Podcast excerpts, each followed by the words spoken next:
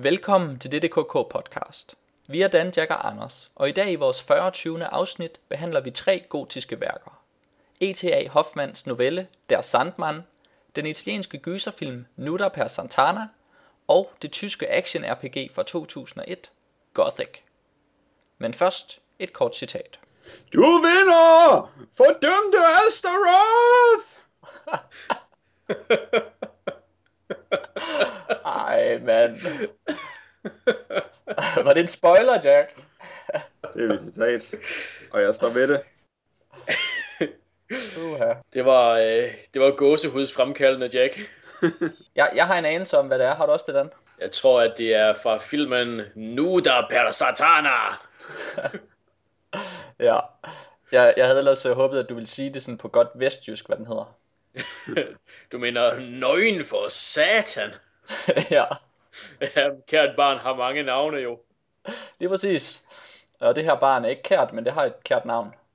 Øhm, men det er noget helt andet. Øh, det vi skal tale om i dag, efter snørklet omvejer, er, er det gotiske, eller gotik, i tre forskellige afskygninger. Øhm, vi vil måske prøve at komme lidt nærmere på, hvad man kan sige om, om gotisk som litteratur, eller som film, eller som et computerspil, eller bare et navn til et computerspil. For vi skal tale om øh, en, øh, en, en novelle, er den vel? Ja, øh, fra lang tid siden. Jeg vil lige vil sige forrige århundrede, men det kan man ikke engang sige længere. To Fra, fra 1817. Ja, fra 1817, der hedder, øh, hvad hedder den på tysk? Der Sandmann. Ja.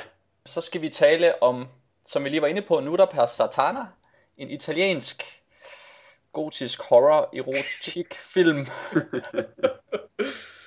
øh, og så skal vi til sidst tale om PC-spillet Gothic. Øh, det bliver vildt fedt. Men inden det, så skal vi øh, tale om, hvad vi har lavet siden sidst. Jeg er spændt på, hvad du har lavet, Dan. Jamen, det kan jeg godt forstå. Jeg har, øh, jeg har spillet adventure-spil. Øh, tro det eller lad være. Ja. Øh, Black Mirror 3. Og øh, det øh, har jeg spillet, fordi jeg har spillet et og toeren også. Og øh, toeren var vældig god, og treeren er lidt kedelig. Ja, Og sådan. Det er Er det, nogle, er det nogle af de mange adventure-spil, som du har talt om tidligere i den her podcast? Jeg tror, jeg har nævnt Black Mirror 2 en gang. Okay.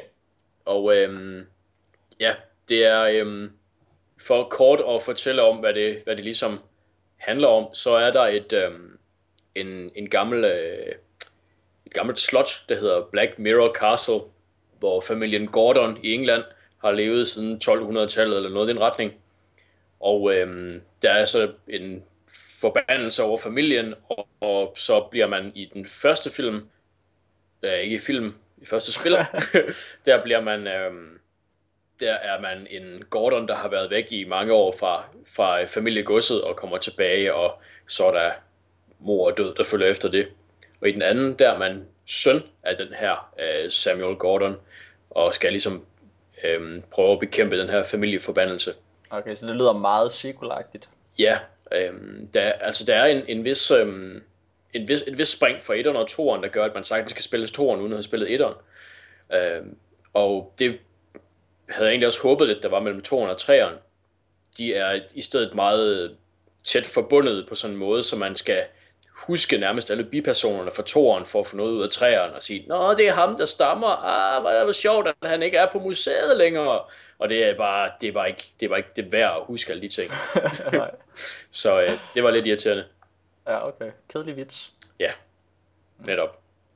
Er det så sådan et adventure-spil med masser af gode udfordringer, som man kan føle sig stolt over at have klaret?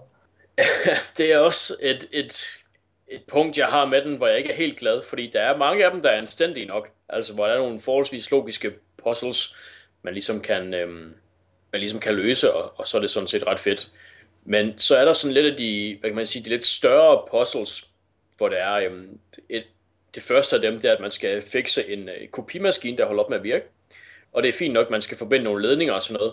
Og det sad jeg sådan og havde det ret sjovt med at sidde og gøre, fordi det var sådan lidt udfordrende. Og så lige pludselig så dukker der så en knap op nede i højre hjørne, og så tænker jeg, ah, nu har jeg, nu sker der et eller andet fedt. Og så er det bare så den knap, der gør, at man løser øh, gåden automatisk. og, det, og det kunne de så måske godt have skrevet i en lille pop-up vindue eller et eller andet, at click here to solve, eller et eller andet, hvis du ikke har... Ja, og det, øh, det, var, det var ret irriterende, fordi det ville jeg sådan set gerne have, have Ja. vidst, før jeg klikkede på den. Det er rimelig fremme i skoene. Ja. Var det en knap, man bare kunne bruge så meget, man havde lyst til, eller havde man sådan et tryk hver kvarter eller sådan noget? Mm, jeg, jeg, jeg så den pop op to gange, hvor jeg ikke havde brug for den. Øh, og den ene gang kom jeg så til at trykke på den. Og så var der en tredje gang, hvor jeg sad og ventede på, at den kom, fordi der var en, en glitch i spillet, der gjorde, at man ikke kunne komme videre i det her puzzle. Mm, ja, der er en. Klart en lidt. Klart, klart spillet snyder selvfølgelig, Ja. når jeg ikke har den rigtige... Øh... Nej, det, det slår jeg op på nettet, og de siger, at det er en glitch. Så øhm, Nej, der så sad man. Nej, okay. Ikke noget, undskyld. Ja, Jeg afbryder. det, ja, jeg brugte en walkthrough, fordi der var en glitch, så jeg kunne ikke finde ud af, hvad jeg skulle, øh, hvad jeg skulle gøre, fordi det ikke Så virkede. ventede du på snydeknappen. Så, så sad jeg ventede på snydeknappen, og øh, der tog den meget lang tid om at komme, synes jeg. Så øh, det er for dårligt med den snydeknap. Jeg ønsker, den ikke havde været der, men så på den anden side, hvis den ikke havde været der, så var jeg nok ikke kommet videre i spillet, så ja. Okay, som andre ord, Black Mirror-trilogien skal man måske nøjes med etteren og toren. Ja, det vil jeg nok sige. Eller kun etteren?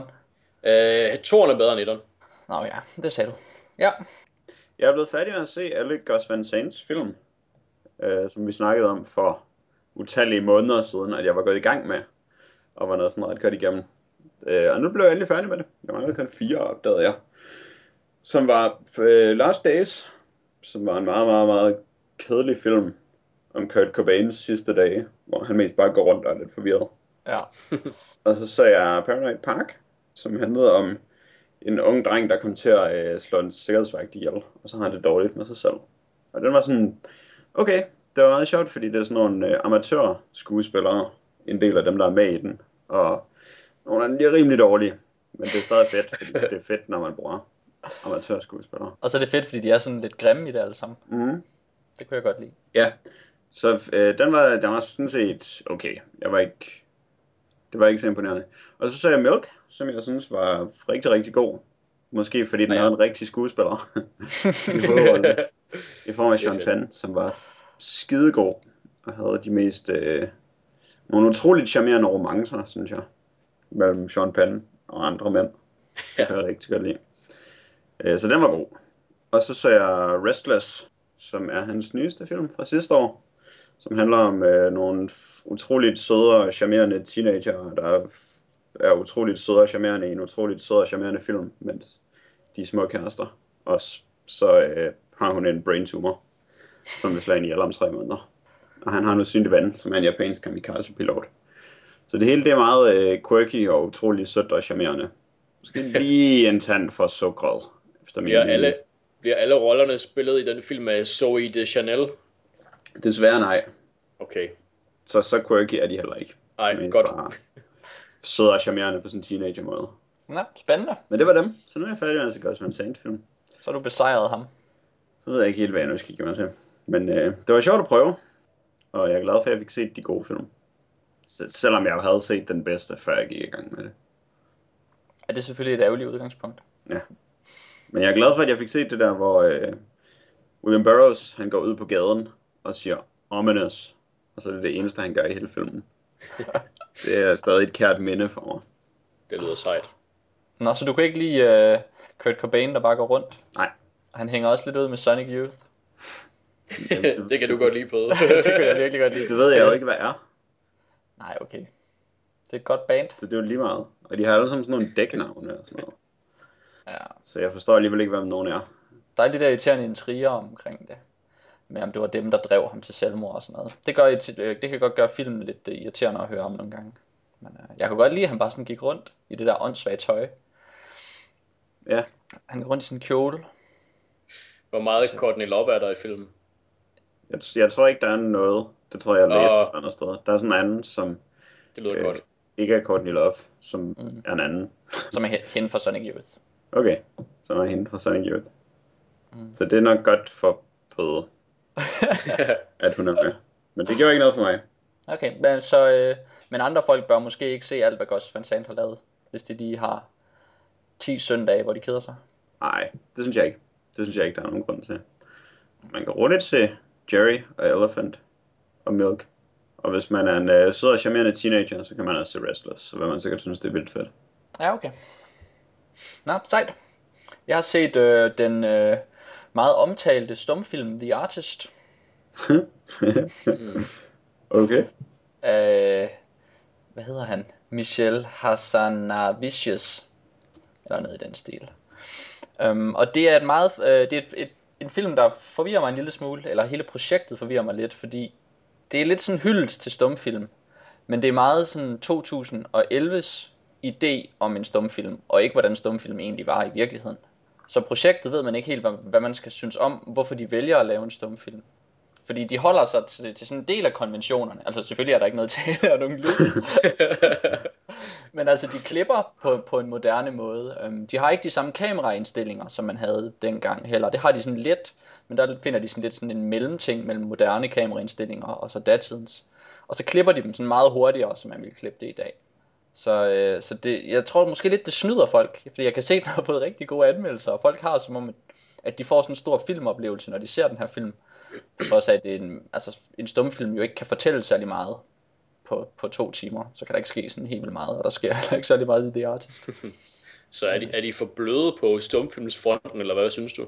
Jamen, altså, altså der er jo mange gode stumfilm, man bare kunne se, hvis mm-hmm. man gerne ville se stumfilm. Um, og så at gå ind i 2011 og lave en stumfilm, så er det ligesom for at sige, eller så kan jeg kan antage, hvad de har gang i, for at vise, at der er noget at komme efter her, um, og noget at vende tilbage til at se. Men så følger de ikke de konventioner, så laver de det på en moderne måde. Så hvis man vender tilbage og ser en stumfilm, så får man stadig det der kulturschok, som det er. Uh, så jeg ved ikke, hvad det er. Så de, øh, de fejler lidt i deres, i deres projekt måske? Jamen, jeg, jeg, ja, altså man sidder hele tiden og undrer sig over, hvorfor man laver en stumfilm i 2011. Ja. Altså hvis det ikke er for den der sådan filmhistoriske sådan meta-værdi, hvor man kan sidde og, og huske, hvordan det var. Øhm, fordi man får jo ikke noget nyt frem. Altså det er utrolig hæmmende, at man ikke kan tale i en film. øhm, ja. Det er virkelig hæmmende. Jeg synes også, det har lidt meget gimmick når jeg har hørt tale om den. Og folk har været meget anmasende med at forklare en, hvor god den er. Og at man skal se den, selvom den er en stumfilm. Og det, mm. det, det huer mig ikke. Nej, føler, altså, jeg at der er ikke... et eller andet lumpent ved den. Jeg aner ikke rigtig... Og, altså den kvindelige øh, hovedrolle, som der så er nomineret til bedste birolle øhm, ved The Oscars, som jeg kommer til at tale om senere. øhm, hun gør det rigtigt, hun gør det godt, synes jeg. Øh, altså der er et eller andet, hun har noget energi, som der virker, som der virker ret godt, på trods af, at det er en stumfilm.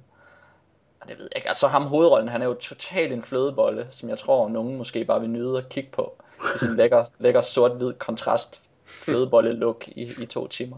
Men ellers så har den ikke, den, den har knap nok en historie, og, og meget usympatisk historie faktisk. Vi skal føle med lidenhed med sådan en total, øh, ja hvad skal jeg sige, forkælet øhm, øh, skuespiller, som er en primadonna, og som ikke kan leve med ikke at være den mest kendte af alle hele tiden, og så får han en nedtur, og så skal vi føle mega sympati med ham, fordi han ikke har råd til at have en butler længere. Så det er bare ikke, det er bare ikke den historie, der får mig op at køre. Altså, jeg har ondt af ham. ja.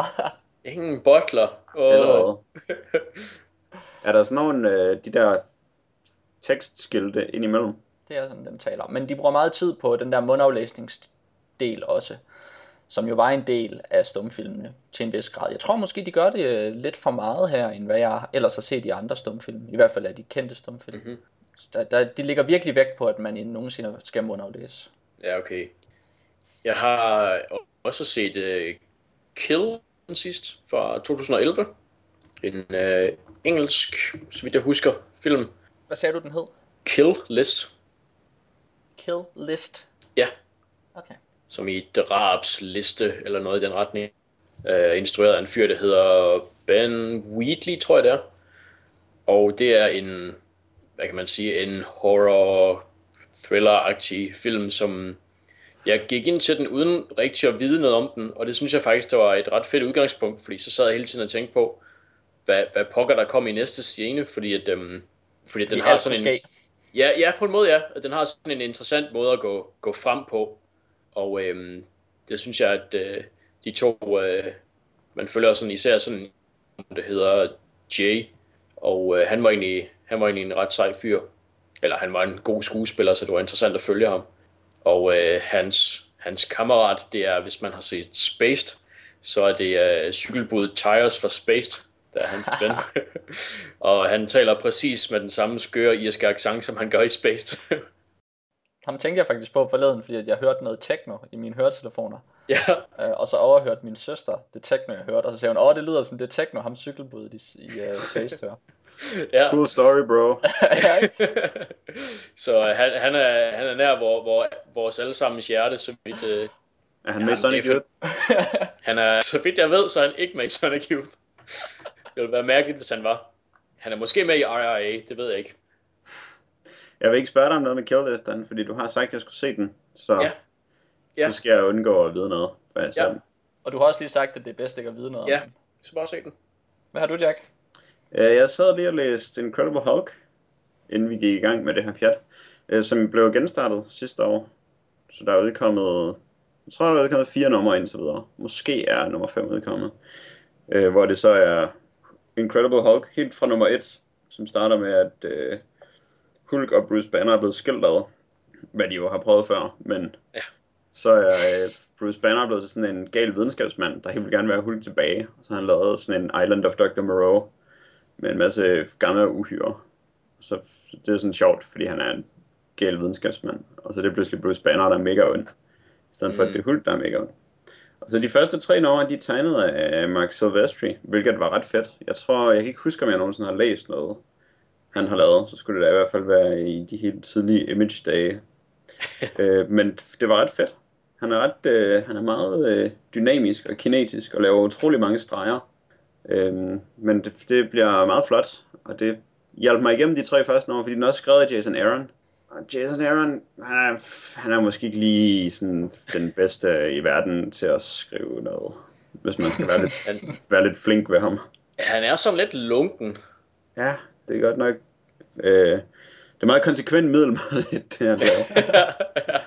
Jeg forstår måske ikke helt, hvorfor han har fået lov til at genstarte Incredible Hulk. Øh, og hvad endnu værre er så, at ved nummer 4, der overtager Will Portatio som tegner. Og vi ved vist Ah. alle sammen, hvad det betyder. Will's Potato. han er, han er et, øh, et rigtigt 90'er brag af en tegner, som, som der ikke rigtig er på den gode måde. Og han er virkelig den der øh, sådan B-listen, hvor der er de der 90'er tegnere, øh, Jim Lee og Mike Silvestri for eksempel, som faktisk er sindssygt gode til at tegne. Selvom det ser meget 90'er ud, så er det også utrolig flot og øh, Mm. meget velfungerende. Men så, så er der de der B-liste folk, der prøver på at tegne, ligesom Jim Lee og Mike Silvestri. Og det er bare, det, er ikke kønt. det var ikke kønt i 90'erne, og det er ikke kønt nu. ja. Og det er meget sjovt, at du kalder ham Will's Potato, fordi jeg tænkte faktisk på uh, Potato Head, fordi han på et tidspunkt tegner Bruce Banners ansigt, sådan uh, det øverste af hans ansigt vender en vej, og hans ned, den nederste del vender en anden vej. Som der lige der har taget munden af og sat den på igen. Det er sådan lidt sådan noget. Åh, Så- mand. Det er helt med Ja. folk. Er Han der, tegner er, små der helt, bitte hænder på Hulk. er, der, er der helt vildt øh, mangel på fødder, og så også masser af våben og punge på dem også? Nej, faktisk ikke. Der er ikke Okay. så mange øh, våben, men det er helt vildt så øh, ujævn han er, hvordan tingene de bare ikke ligner hinanden overhovedet fra et panel til det næste. Uh, ja. Hvis det ikke var fordi øh, den ene han var stor og grøn, og den anden havde sådan en øh, laboratoriekittel på, så ville man bare ikke vide, at det var de samme, der optrådte flere gange i træk. Og det er en skam. Det er rigtig meget en skam. Det er virkelig slemt, synes jeg. Og, Ja. ja. Det, det er et pinligt line-up til en relaunch af noget så øh, vigtigt som Incredible Hulk. Ja. Meget skuffende. Udover The Artist, så har jeg set øh, øh, helt vildt mange film. Yeah. Øh, så kan I ikke prøve at gætte, hvad de har til fælles. Jeg har set The Descendants, og så har jeg set Extremely Loud and Incredibly Close, og så har jeg set The Help, og Hugo, og Moneyball, og Warhorse, og A Better Life, og Tinker Tailor Soldier Spy, og The Ides of March, og Warriors, nej, Warrior, og Bridesmaids, og The Girl with the Dragon Tattoo, og Albert Nobbs, og The Iron Lady. Er det også film? Um, Ja, ej, jeg troede, at de alle sammen var med et Zoe de Chanel i hovedrollen. Nej, jeg er selvfølgelig i gang med at se øh, alt, hvad der er nomineret øh, relevante kategorier i Oscar sammenhæng. Og så har jeg givet mig til at se alle de her film, og det er virkelig et dårligt filmår. det er helt vildt. Øh, sådan, øh, ja, af alle de, de film, der er nomineret til bedste film, der er der kun en, der er god. Hvad er det for en? Det er The Descendants, som jeg så også jeg tror vinder. Men det er jo så fordi, Ja. det er den eneste, der er god. Um, det er en George Clooney uh, Hawaii-film, um, som, som er god. Men Den er ikke sådan god, god, men den er god. Ikke Hvad god, god, men, men god. Er god, ja. Jeg så vist Okay. traileren for den, da jeg var inde og se Tinker Tailor Soldier Spy. Ja. Som øh, så er det, f- sådan, den fulde spændvidde af mit øh, Oscar-repertoire.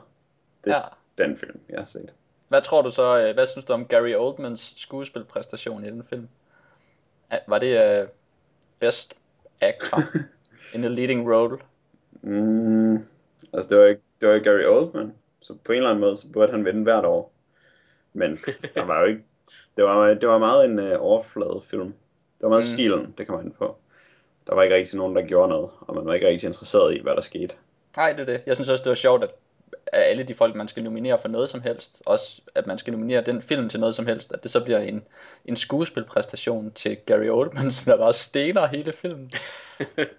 altså, han stener sejt, det skal han have, men uh, han sidder bare kedelig. Den burde øh, være nomineret for bedste 70'er stil. Ja, Men det er fedt, at øh, nogle af deres, at deres 70'er ting er sådan ret gamle, de ting, de har. Fordi når man laver sådan et historisk drama, så har folk altid nyt tøj på. Man kan se uh, Boardwalk Empire for sådan skoleeksemplet på, hvor nyt alles tøj er. ja. Men i Tænker Taylor Soldier Spy, der er alle tingene gamle. Så for eksempel sådan en lampeskærm, der står, den har lige fået sådan en bule, fordi nogen er gået ind i den, og øh, deres fyldepæne har sådan en masse ridser og skrammer, fordi de er blevet brugt i lang tid. Det synes jeg var super Sejt. Udover at det bare er virkelig gennemført flot. Ja, nu, nu hvor du siger det, så tror jeg godt, jeg kan fornemme den der ting. Mm. der er i filmen, at den er sådan lidt, lidt skramlet. 70'erne virker lidt rodet. Det lyder lidt charmerende, synes jeg.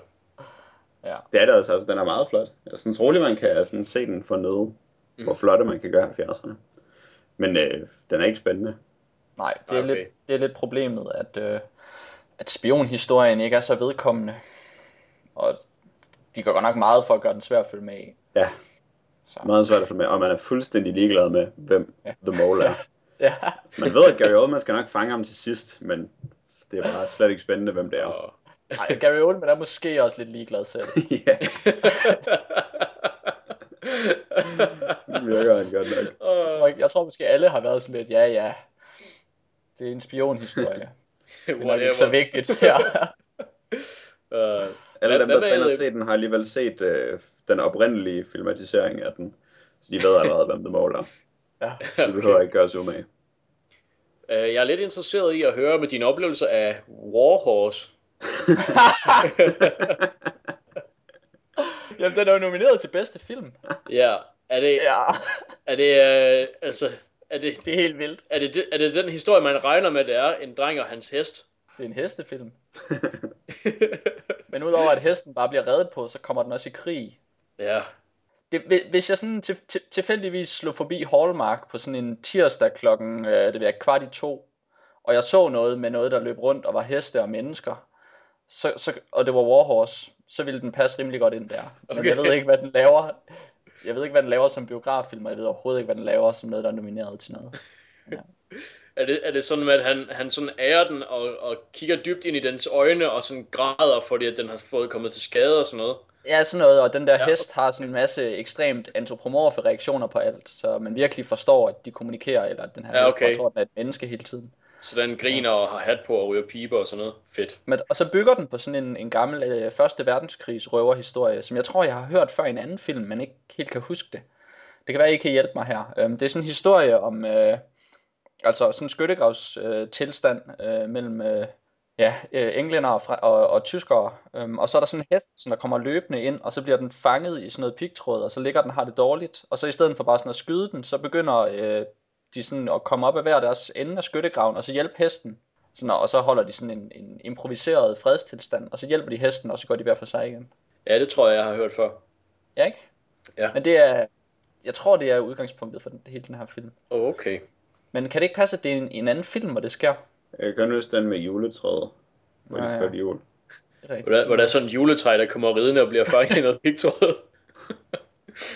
Ja. Det kan, ja. Hvorfor ikke? Fedt. det kan jeg også huske nu. Men, øh, Men der, var, der er slet ikke noget at komme efter i Oscar-filmene. De er alle sammen dårlige. ja, det er ret dårligt. Jeg tror, den bedste film, det var måske The Girl with the Dragon Tattoo. Det overraskede mig rigtig meget. Jeg mangler at se uh, My Week with Marilyn og Beginners og Separation. Så har jeg set Råb og Stop, Mhm. uden at tage kortfilm og dokumentarfilm og udenlandske film med. Så måske er der stadig virkelig gode film. Ja, men øh, nu så har jeg jo lagt min artikel op på Kaffeklubben, når folk hører det her. Åh, oh, I virkeligheden så ligger jeg den nok op om to dage. Så prøver jeg at skrive noget om det. I, i- i den, øh, den optagede virkelighed. det gør det meget klart. ja. Ikke den der fremtidsdimension, Nej. hvor podcast allerede eksisterer og bliver hørt, inden de bliver lavet. ja, nej, nej, ikke den. Ikke den. Nå, øhm, har I mere? Jeg har faktisk en meget lang liste med ting, øh, jeg er klar som skyts til det her. Men øh, jeg har spillet rigtig meget Final Fantasy Tactics A2 på min Nintendo DS siden sidst Det er det, jeg det fortalte om gamle det. Final Final Fantasy spil. Øh, ja, den er ret gammel. Men altså, ikke gammel, gammel. Den er. Mi- Mit spørgsmål var nok entaget. Øh, det er ikke en ny en, vel? Nej, okay. så de kommer vist kun til PSP, de nye Tactics. Final Fantasy Tactics. Øh, men jeg var meget positivt overrasket over det. Fordi jeg afskyr jo den oprindelige Final Fantasy Tactics Advance. Fordi den rigtige Final Fantasy Tactics til Playstation er så ufatteligt god. Og så tænkte jeg, åh fedt, så bliver det en remake af det, til, som jeg kan spille på min håndholdte. Og så blev det bare et eller andet åndssvagt pjat om nogle skolebørn, der skulle løbe rundt og lave skolebørnsagtige ting. Og der var aldrig noget, som var svært og udfordrende, udover at man fik sådan nogle tilfældige begrænsninger, som bare kunne uh, smadre en, hvis man lige var uheldig med at få det forkerte. Uh, og som overhovedet ikke fået ned til spillet. Og derudover var historien ekstremt tåbelig, og alle personerne udholdelige. Så den var en skuffelse, så derfor var jeg rimelig skeptisk over for toren. Men jeg tænkte, jeg måtte hellere prøve den, for at se, om det var så slemt. Og de har ordnet sådan det meste af det. Det er stadig en irriterende dreng, der er i hovedrollerne. Så det er lidt irriterende. Øh, men historien er, altså de små historier, der er, er bedre. Og øh, dommersystemet er slet ikke så arbitrært og irriterende. Man får Hvad for et system? dommersystemet. Øh, deres, tilfældigvis så er der for alle slåskampene sådan nogle dommer, der kommer og holder øje. Og så laver de en regel om, at man for eksempel ikke må bruge ting med ild, eller man må ikke bruge ting, der skubber folk tilbage, når man slår dem. Og den slags ting. Som er sådan en regel, som man skal overholde, og hvis man ikke overholder den, så kan man ikke genopleve de af ens mænd, der bliver slået ud. Og hvis man overholder den, så får man sådan en præmie, når man er færdig med kampen, for at have overholdt loven. Og det kunne nemlig bare fuldstændig ødelægge et spil i det første Final Fantasy Tactics Advance. Mens det her bare bliver sådan lidt mere irriterende. Så man kan sagtens vælge, at øh, man er nødt til at, at tage chancen og så bryde den der regel, og så kan man ikke genopleve sine mænd. Især hvis man som mig ikke har nogen måde at genopleve sine mænd på alligevel, så det er en, en meget lille ulempe, man får. Men øh, jobsystemet er tilbage, og det er altid fedt, det kan jeg slet ikke stå for. Det er det totalt åbne hattesystem, ikke? Jo, systemet, det kan vi godt kalde det. Jeg synes, det er, øh, det er en lille smule skørt, at de lærer deres øh, job abilities og våben. Det er sådan lidt skeptisk overfor. Eller i Final Fantasy 9. Men det fungerer egentlig okay. Og det er rigtig sjovt at prøve at bytte rundt på folks jobs. Og der er en, øh, en hard sværhedsgrad i tårn her, som jeg er meget glad for. Hvor jeg konstant er udfordret af spillet. Det gør det også rigtig sjovt. Okay, Øhm, inden vi skal i gang med dagens første emne, så skal vi lige øh, åbne lidt op for vores... Dan, kan du bare sige det? Sig dit ord. Vores, ja, okay, en mose. Godt. Så er det overstået. Folk ved vel, hvad det handler om nu, ikke? Det tror jeg nok, det gør. Nej, i forrige podcast, der, øh, der gik vi i gang med at, øh, at bede jer lyttere om at skrive ind og foreslå øh, forskellige emner, som øh, for sidste afsnits vedkommende skulle handle om frugt. Og det har vi så fået nogle, øh, noget, en del tilbagemelding omkring, som vi kommer tilbage til senere i podcasten. Og nu har Dan så til i dag lagt hovedet i blød og kommet frem til, at det for fremtiden, eller det for indtil næste gang, øhm, øh, så vil vi gerne bede om at få anbefalet foreslået emner, det vil sige spil, film, tv, øh, når jeg siger spil, mener jeg selvfølgelig også computerspil, og tegneserier og bøger, som på en eller anden måde handler om En mose. en mose. Ja, Okay, men det vender vi tilbage til til sidst, til sidst igen, så kan vi lige få styr på det. Jeg tror aldrig, det bliver smooth, det her. Men, øh... men du gør det heller ikke let, Don. Ej, det gør jeg ikke, det gør jeg ikke, det skal jeg have. Godt, og nu, øh, nu ryger øh, ikke bolden, fordi det er det helt forkerte metaforsystem. Det er afhugget hoved ruller over til dig, Jack. Okay, ikke et øh, udstukket øje. Vi skal tale om en novelle, som hedder Der Sandmann, som er skrevet af E.T.A. Hoffmann, som levede fra 1776 til 1822. Han øh, var en af de store forfattere inden for øh, romantikerne. Han er romantiker.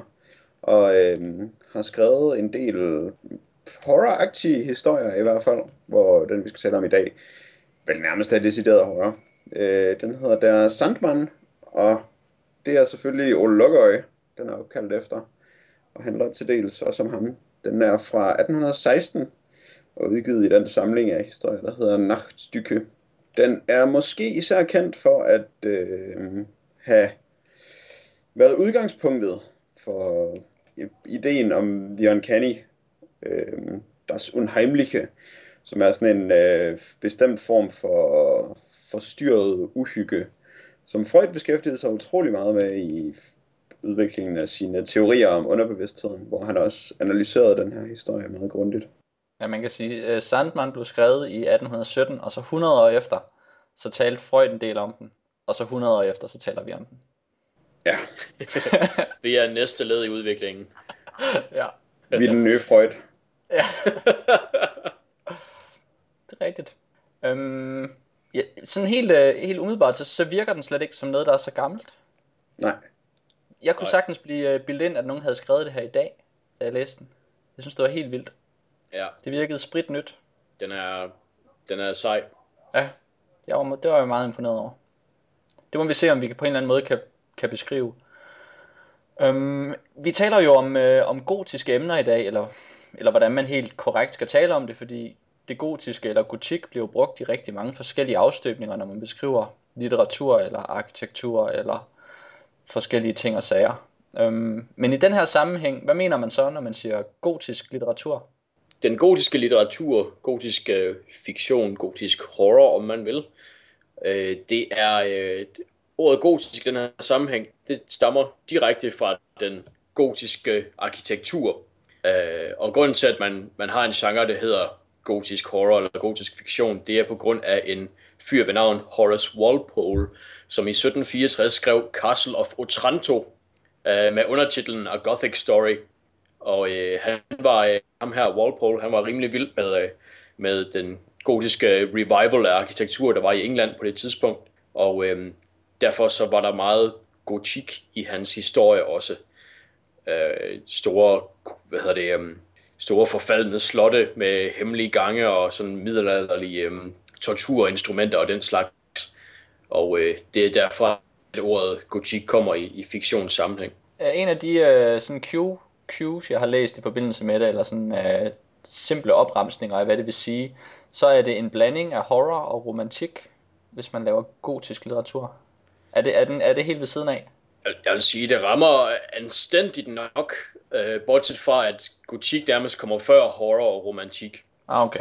Øh, så altså, Okay, fordi, fordi det giver os jo sådan en rigtig god måde Ja. at tale om The Sandman Ja. på, eller der Sandman, Ja. så kunne vi jo først uh, tale om horror-elementet, og så det romantiske element.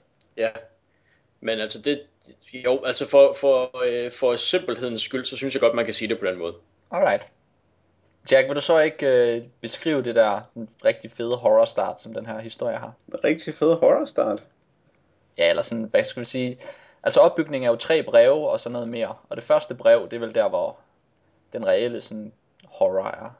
Altså, jeg synes, der er øh, horror flere steder, men ja, i hvert fald, det første brev, øh, der skriver hovedpersonen, øh, Nathaniel, han skriver et brev til sin kærestes bror, finder vi senere ud af der, hvor han beskriver øh, en meget, meget frygtelig begivenhed, der lige er sket for ham, og som har kastet mørke skygger over alt i hans tilværelse. Nemlig, at han har mødt en øh, barometerhandler, som er kommet forbi, hvor han bor, og har prøvet at sælge ham et barometer. Det ville måske ikke, det ville sjældent have været specielt frygteligt, hvis det ikke var fordi, at ham her barometerhandleren, han på øh, en prik lignede Ole Lukøje, så at sige. Øh, men Nathaniel, han har et meget specielt forhold til Ole Lukøje. Det er nemlig ikke sådan en lille blå fyr med en paraply, men derimod et øh, frygteligt uhyre, som han kan huske fra sin barndom, hvor øh, hver aften, så tog far og mor og ham og hans søskende, de satte sig ind øh, på farens arbejdsværelse, og så sad de sådan og øh, hyggede moren syede korsting, og faren læste, og børnene legede på jorden. Men så når klokken blev omkring 9, så hørte de sådan nogle fodtrin fra nedenunder i deres hus. Tunge fodtrin, der nærmede sig trappen. Og så skyndte deres mor sig altså helt vildt at få dem lagt i seng, øh, og sige, at det var fordi det var øh, Ole Lukøj, altså The Sandman, som kom nu. Og derfor skulle de ind og sove. Okay, det, det, det er fint nok. Han blev nysgerrig efter, hvem ham er, øh, The Sandman er. Men moren forklarede bare, at det er ham, der kommer og drysser sand i øjnene, så man bliver søvnig, øh, når man ikke kan falde i søvn. Men han spurgte så også øh, en gammel nabokone om, hvem Sandman var. Og hun havde en øh, helt anden historie om, hvordan han uh, var et ondt uhyre, som hvis børnene de ikke øh, ville lægge sig til at sove, så kom han og stjal deres øjne og tog dem med tilbage til sit hus og fodrede dem til sine klamme, jeg forestiller mig de lidt fugleungeagtige børn, som han har i sin grotte. Og det, det skræmmer vores hovedperson fra videre sands. Øh, men alligevel ikke mere, end at han bliver nødt til at snige sig ind og se den her sandmand næste gang han kommer på besøg, og de bliver sendt i seng. Øh, og det viser sig så, at det er advokaten Coppelius, som er sandmanden. Øh, en mand, som deres far har nogle forretningsforbindelser med, som kommer ind imellem, øh, som de nogle gange spiser middag med, og som de her børn hader, fordi han øh, er en gammel mand, og han er ulækker, og det synes især børn jo, at gamle mennesker er. Øh, og han vil altid øh, røre ved deres mad, fordi de ved, at han ved, at de ikke kan spise det, hvis han har rørt ved det, fordi de ikke kan lide ham. Og hvis de lige øh, skal have noget at drikke, så kan han godt lige, lige at smage på det først, så det er helt forfærdeligt for dem at skulle drikke det. Han er en rigtig ulækker gammel mand. Og han kommer så op til faren, og, øh, og de åbner så det, som hovedpersonen troede var et skab, men det viser sig, at de har øh, en form for smedje derinde, hvor de, øh, hvor de smeder på øjne, og de har nogle ansigter til at lægge uden øjne i, og, øh, og Coppelius, han vil have flere øjne til det her eksperiment, de er i gang med, og vil have, at øh, faren skal gå ind og tage Nathanaels øjne og hans søskendes øjne. Og øh, den lille dreng bliver frygtelig forskrækket og skriger, og så Nej, det er der, de fanger ham, og så skal de tage hans øjne. Øh, og, han, øh, og det er en forfærdelig scene, og han besvimer og vågner op øh, dage eller uger senere, efter at have haft svær feber. Og, øh, og så skal Coppelius aldrig mere, så kommer han aldrig mere tilbage, før ikke særlig længe efter. Han så kommer øh, en sidste gang, og, hvor alle er forfærdet, og faren lover, at det er sidste gang, han kommer. Og de, øh, faren og Coppelius mødes sig ind på arbejdsværelset igen, drengen ikke, hvad der sker, men pludselig der lyder der øh, en eksplosion, og de løber alle sammen ind på arbejdsværelset for at se det, og så for, ligger faren død på gulvet uden ansigt, og Coppelius er forsvundet for altid. Mm.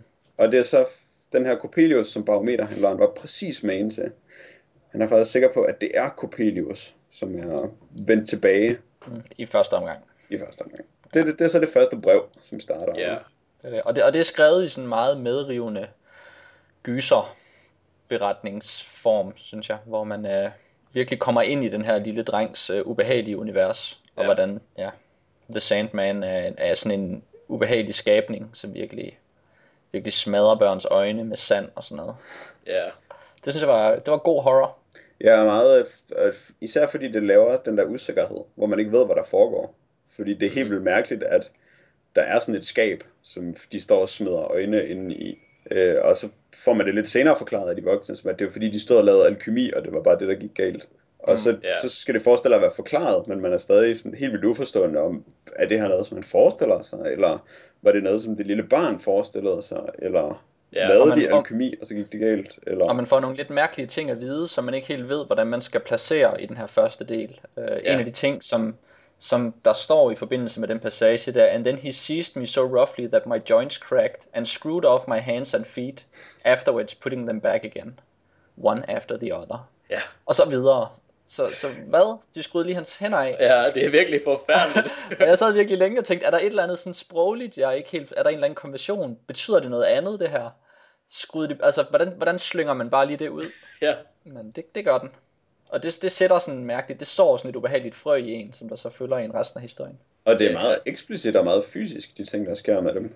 Det er slet ja. ikke uh, sådan underspillet med, at der er skygger i hjørnerne eller noget.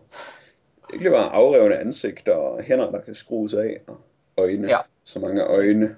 Um, og så den næste del af historien, det er så to breve, der kommer, som har sådan, det er sådan en, en mærkelig midte i historien, som måske er, er et et, en svaghed, eller hvad siger I? Mm. Kunne du lide den, Dan? Ja, men altså, det er, det er jo en, en, en refleksion, eller hvad man skal sige, over, over det første brev. En reaktion, og det er næsten en refleksion. Fordi det første brev, det viser sig jo så, at øhm, Nathaniel, han har ville sende det til ham her, Lothaire, men han er kommet til at sende det til sin, til sin hjertenskære Clara i stedet for. Og, øhm, og det er jo forfærdeligt, fordi hun er jo en ung og blid dame, men heldigvis så kan hun holde hovedet koldt nok til at sige, at, øhm, at alle de her ting, de er kun i hans, i hans sind, og øh, hun tror ikke, at de er sket i virkeligheden, og at Coppelius, øh, hans barndoms øh, børmand, han er, er ikke, han er ikke den her barometersælger Coppola, som han tror, han er. Og han, hvad kan man sige, um, hun siger noget med, at, at hvis han bliver ved med at tro det, så får det magt over ham, men hvis han bare lader være med at tro det, så har, det ikke, så har de her øh, forfærdelige visioner og forfærdelige tvangstanker, havde jeg nær sagt, så har de ikke nogen, øhm, noget at skulle sige.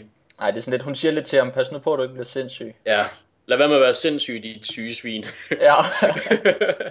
bare, bare meget blidere. Og, og, så, øh, og så sender han et tredje brev, ja. hvor, hvor han så også lidt trækker i land. Ikke? Ja. Øhm, altså vores hovedperson efterfølgende så får svare på, på det brev, han kom til at sende forkert til Clara, så sender han så et brev til Lothaire, hvor han forklarer, ja.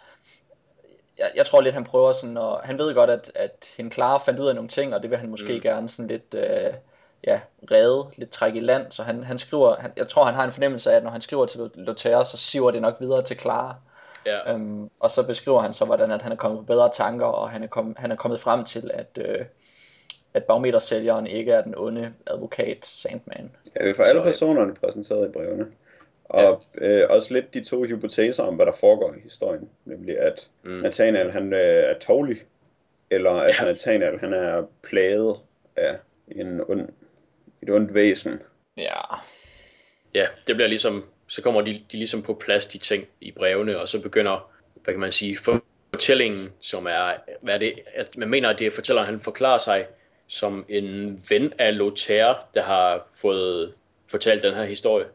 Ja, og, altså så bryder øh, fortælleren jo nemlig pludselig ind, mm, hvilket ja. er meget forvirrende. Han starter med at forklare, at han vidste ikke, hvordan han skulle starte historien. Det er derfor, den starter med de her breve. Og ja. så tænker man måske, at øh, man kan få hvad skal man sige, en, øh, en syntese af de forskellige indstillinger, der har været indtil videre, eller på en eller anden måde noget sådan lidt mere håndfast og troværdigt, men han er bare fuldstændig fuld af løgn lige med det samme, han fortæller. Han er endnu mere øh, forvirret og opslugt og enigmatisk end personernes egne opfattelser af tingene. Men i hvert fald, han vidste ikke, hvordan han skulle starte historien, så han startede med de tre breve. Ja, det, er, det bliver sådan en lidt sjov overgang fra det tredje brev og så hen i den nye fortæller. Der skal man altså holde tungen lige i munden eller den, den redigering, eller den version, jeg læste af den, der var der ikke rigtig nogen, nogen afsnit, der fortalte en, at nu er vi færdige med tredje brev, og nu er vi i gang med noget nyt. Der skal man ligesom vide, nu er det en ny fortæller. Ja, ja. Det sker lidt voldsomt i, øh, ja man kan jo finde den online, så jeg tror vi har læst dem alle, den, den samme øh, version alle sammen.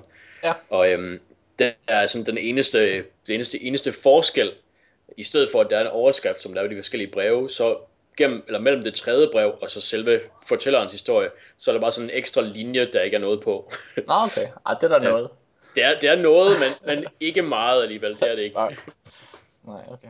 Ja, og så kommer der så hele historien, som er en ret vild historie, der handler om alt muligt. Det er så med en røverhistorie. Ja, ikke? Den handler om alt muligt med robotter. Øh, hvor Nathaniel han har nogle flere møder med øh, ham her barometerhandleren, Coppola, øh, og så forelsker han sig i øh, en anden pige, en Clara, som øh, ellers var hans hjertenskær. Og den anden pige viser sig så at være en robot, som er bygget ja. af en fysikprofessor og barometerhandleren. Ja, og der er der en rigtig fed satire, der pludselig kommer ind, fordi det viser sig, at hende her robotten, hun har gået til mega mange T-selskaber. Um, og så er det jo pludselig problematisk, at folk ikke har vidst, ja. at han var en robot. Og så, skaber, og så er der sådan en rigtig sjov satirisk tekst, hvor han beskriver, hvordan at folk for eftertiden gør meget ud af at vise, at de ikke er robotter, ved at vise følelser og forklare sådan, og, og, og sådan ikke sidde og være sådan kedelige t-selskabsfolk, ja. men faktisk rigtige mennesker. Hvordan folk er nødt til at være det nu. Det synes jeg var rigtig godt. Og de må ikke være gode lyttere længere. De må ikke bare sidde og lytte på nogle taler. De skal sådan lige øh, øh, gøre rent i fugleburet, eller sidde og gabe, eller ja, ja. helve et eller andet, mens man ja. taler med dem. Være spontane, lege med hunden og sådan noget. Fordi så er man nemlig ikke en robot. Ja, og så skal man øh, for alt i verden gabe mere, end man nyser. Fordi når man ja. nyser, så er det uh, urværket inde i robotten, der trækker sig op. Ja. det er rigtig fedt. det er jo virkelig, altså det er virkelig humor. Ja. Meget, øh, det var jeg meget uforberedt på. Man havde ikke set det komme, at hun var en robot, hende der. Nej. Og man havde ikke set det komme, at øh, der så lige skulle klemmes en samfundssatire ind i den ellers de tæt pakkede redsler, som den stakkels Nathaniel han skal igennem. Ja, fordi det viser sig jo så, at Nathaniel jo så er forelsket i en robot, og det er, det er måske ikke så godt. det er det jo ikke. Nej, han håbede, at hun ikke var en robot. Ja. Så at hun kun kunne sige, ah. Ja. så havde han håbet på lidt bedre. Ja. Øhm, og det viser sig, at der er en sammensværgelse eller mellem ham professoren og så øh, The Sandman. Nej, vent. Nu, nu, nu skal jeg passe der, på, hvad Der er en sammensværgelse mellem Spallanzani, professoren, og så øh, ham her barometerhandleren Coppola, som måske, måske ikke er Coppelius. Og øh, de har bygget den her robot sammen, og øh, Nathaniel han finder ud af, at det er en robot på et tidspunkt, hvor han, han dukker op hjemme ved Spalanzanis øh, hjem for, for at hilse på hende, øh, datteren der, eller hvad han tror, der er hans datter. Og så slås de så om hende, og så øh, en robot noget op om, at det var ham, der lavede øjnene, og han var ikke, hun ville ikke være noget uden, uden dem, og de slår lidt frem og tilbage.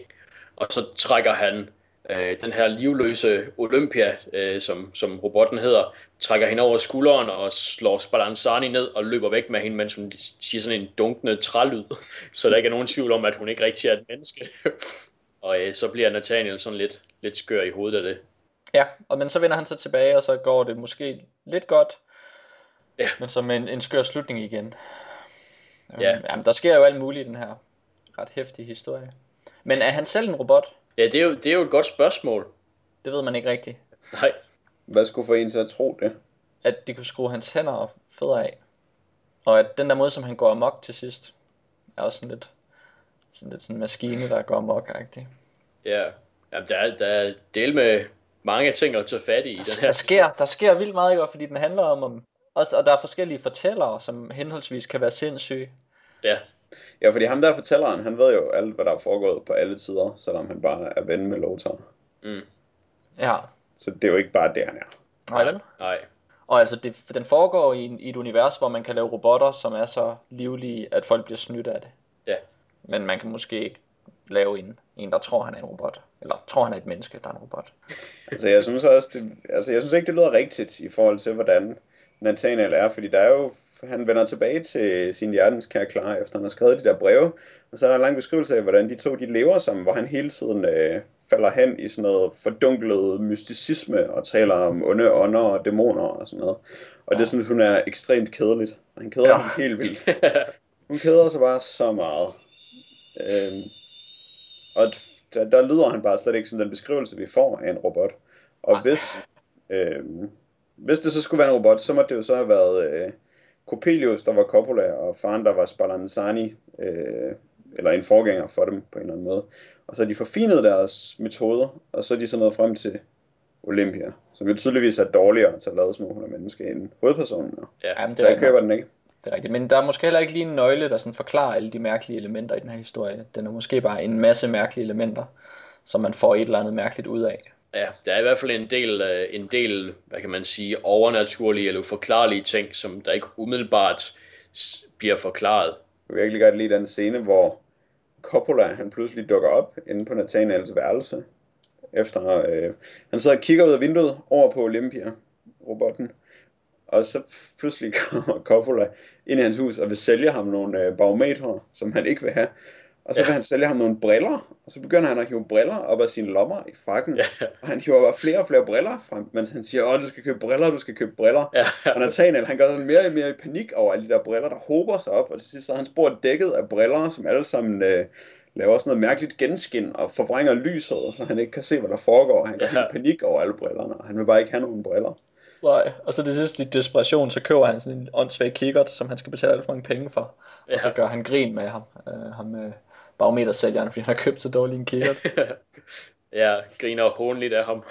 han bliver virkelig bare skamet. Og så er der jo et rigtig godt setup til, at hun er en robot, fordi han sidder bare og dvæler over, hvor yndefuldt hun bare kan sidde helt stille i flere timer. Ja. og hvordan hun nærmest også sidder og skuler over på ham, uden helt at kigge på ham alligevel. og så er der bare sådan en defekt robot, der har siddet ja. ja, 30 meter væk i et andet, inde i, et, i et andet hus. ja, som han er helt tosset forelsket i. ja. Han taber jo virkelig meget. Han er, ja, det må man sige. Men alle kan jo godt se, at hun har døde og livløse øjne. At, at hun ikke er et menneske, der hvor der ikke er nogen, der kan lide hende. Udover ham, ja. som jo kigger på hende med sit lille teleskop, som han har købt af Coppola, som også har lavet hendes øjne. Så han Ja. ser hende på en måde med hendes egne øjne. Og der er det så, han forelsker sig i, ham, i hende. Så er der pludselig øh, månestråler i hendes øjne. Det kan også være, at han bare at han ikke er en robot, men han har fået udskiftet sine øjne i sin tid. Hvis de sådan alligevel gik frem og tilbage derinde i det hemmelige alkemirum, ham, øh, faren og Coppelius. Coppelius, så kan det være, at de lige indimellem havde været inde og låne nogle øjne og sætte nogle nye i, mens de sov. Så kan jeg bare ikke forstå, hvorfor han skulle have brug for kikkerten. For at kunne forelske sig i hende. Nej, det er nok. Måske Nej. så kunne øjnene ikke se langt nok. Det er ret tydeligt, at det er kikkerten, der gør det. Da hun øh, spiller ja. for selskabet, og så kigger den op, og så skriger han hendes navn, fordi han bliver så forelsket i hende. Ja, okay. Da han kigger på hende i kikkerten gennem stilen. Det er virkelig, øh, det er virkelig stor, stor, s- storhedsromantik. Jeg ved ikke, om det, det er et ord, men det er, hvad det er. Og nu skal vi øh, til et passende hjem for øh, nøgne damer. ja, vi kan jo ikke øh, undgå det. Vi må se, hvad der sker med det her emne her, Dan. Ja. Nu der per Satana. Det er en italiensk film fra 1974. Den er skrevet og instrueret af den store Luigi Barzella øh, under, hans, under hans alias Paolo Solvay.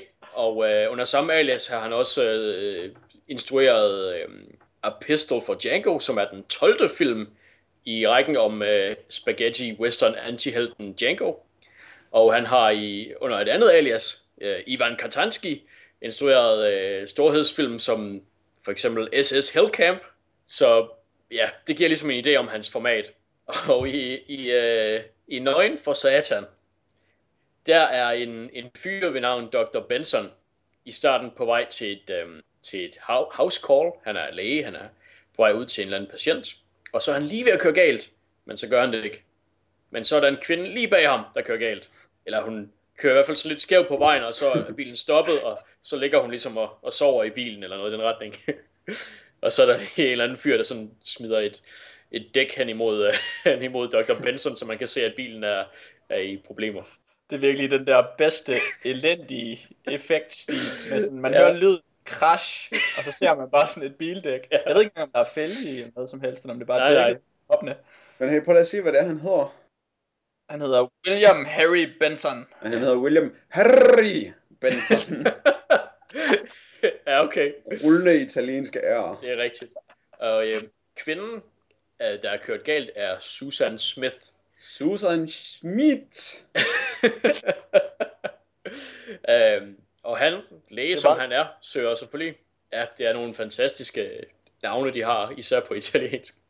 Læge som han er, søger han hjælp i det nærliggende slot, hvor han først møder en, en mystisk mand, som han spørger om, der kan hjælpe ham, der så øh, svarer. Øh, og jeg, jeg skal lige sige, det skal lige siges, at jeg har i den her gang, øh, hvor jeg har set den, der har jeg set den med dubbing øh, eng- engelske stemmer, fordi at øh, jeg tænkte, at ja, det kunne ikke blive værre, så jeg kunne lige så godt prøve at se den med engelske stemmer.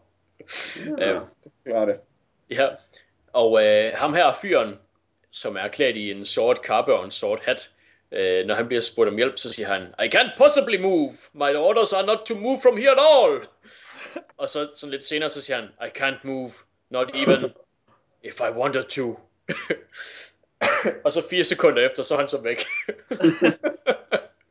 så det kunne han så godt, men han har peget op på slottet, og de to, Benson og den øh, bevidstløse kvinde, de øh, tager sig op på det her slot. Og inde på det her slot, der... Altså, han kommer jo alene derhen. Det er rigtigt, det er rigtigt. Han lader hende ligge ja. i bilen.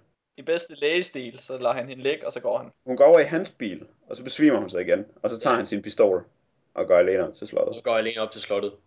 Derinde i- på slottet, der, der, er, der ser han nogle, nogle mærkelige ting.